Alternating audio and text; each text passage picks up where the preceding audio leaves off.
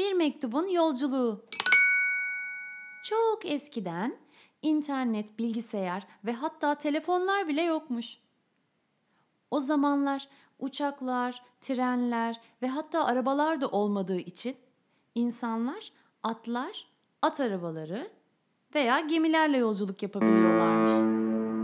Bu yolculuklar çok uzun ve çok yorucu olduğu için de birbirinden uzakta yaşayan insanlar çok az görüşebiliyorlarmış. İşte bu zamanlardan birinde bir bahar günü Can özlediği kuzeni Mert'e bir mektup yazmış. Mektubunu göndermek için babasıyla beraber postaneye gitmiş. Bir pul alarak mektup zarfının üzerine özenle yapıştırmış ve posta kutusuna atmış. Küçük mektubun macerası işte böyle başlamış. Mektup önce postanedeki posta kutusunda beklemiş. Kutuda kendisi gibi bir sürü mektup birikince birbirinden farklı eller tarafından bir yerden diğerine atılmış.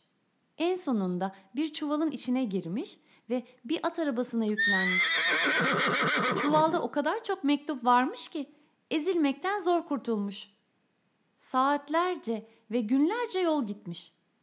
Gemilerle denizleri geçmiş.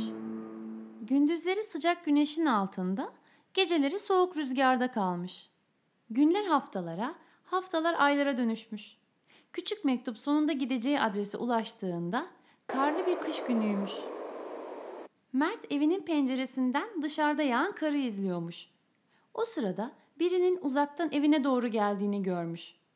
Ancak bir postacı böyle bir havada dışarıda geziyor olabilir diye düşünmüş. Heyecanla kapıyı açtığında gelenin tahmin ettiği gibi bir postacı olduğunu görmüş. Postacı ona bir mektup uzatmış. Mert ta uzaklardan, kuzeni Can'dan gelen mektubu görünce heyecandan kalbi yerinden çıkacak gibi olmuş.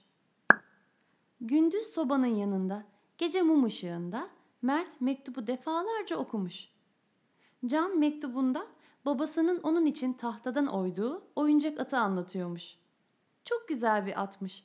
Can çok mutluymuş ve Mert'in onu ziyaret edeceği günleri iple çekiyormuş. Mert mektuba cevap yazmaya karar vermiş. Kağıdı kalemi almış ve başlamış yazmaya. Sevgili kuzenim, oyuncak atını çok beğendim. Sana anlatacak öyle çok şeyim var ki. İşte böylece bir mektubun daha yolculuğu başlamış.